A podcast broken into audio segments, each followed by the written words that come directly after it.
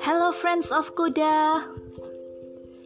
This is the first time Kuda uses English, so I'm a little bit nervous, but I hope that you will like my stories. The story has a title The Boar and the Buffalo. Yes, it is related to Lunar New Year. Happy listening! all the citizens in Sky Kingdom were preparing spring festivals.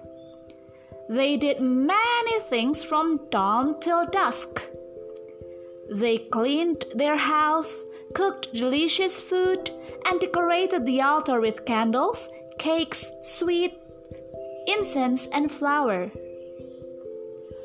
From all Sky Kingdom citizens, there was the laziest one, the boar. When all people were as busy as bees, he was.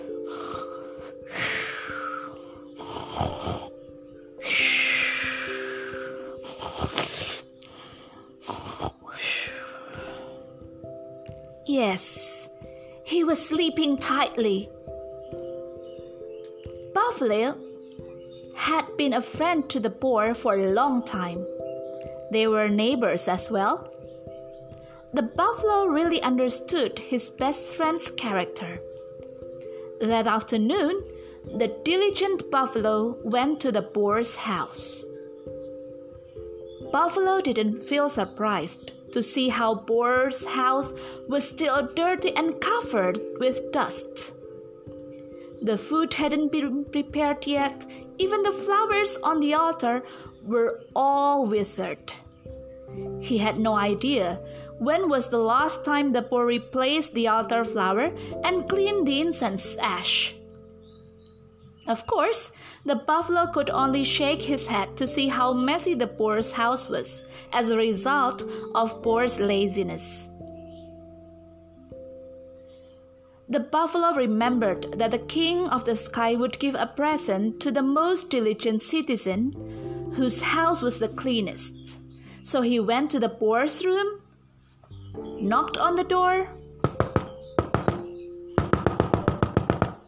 and asked him to clean the house with him. The buffalo sincerely helped the boar clean and decorate his house.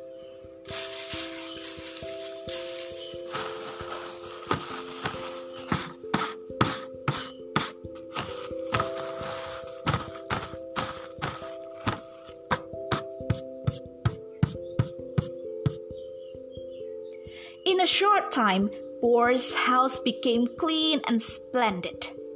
The boar felt happy because the buffalo helped him. Now his house was ready to celebrate spring festival.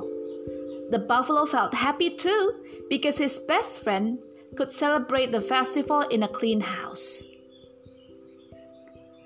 That night, the king of Sky Kingdom went around the kingdom to check the citizens' houses.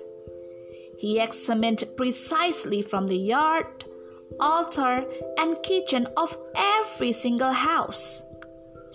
He asked the Prime Minister to record the house which deserved to get the prize. Before the turn of the day, the king had decided the best house that would be awarded as the luckiest house. Morning, good morning. How are you? I'm fine, thank you. Hi, happy Spring Festival. You too, you too. The next morning, all citizens gathered in the kingdom square. All of them wore red dresses and clothes. And it was time to know who the winner was. The king announced my dearest citizens, the boar's house was the cleanest and deserved to get the prize. Wow! The boar was very, very happy. When he came to the stage, he remembered the buffalo his friend, who had helped him. Boar honestly told the king that he wouldn't win without Buffalo's help. Boar also said that Buffalo was the best friend ever.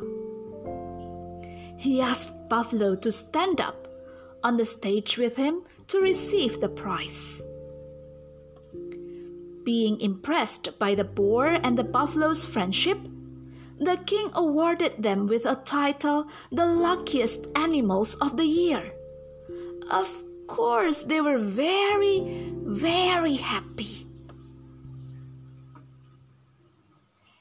So, friends of Kuda, did you enjoy the story? Oh, I really hope so. I hope that all of us can find a best friend, just like Buffalo, and I also hope that all of us can be just like the boar who always remember about a friend's kindness. Thank you for listening to my story and see you again next time.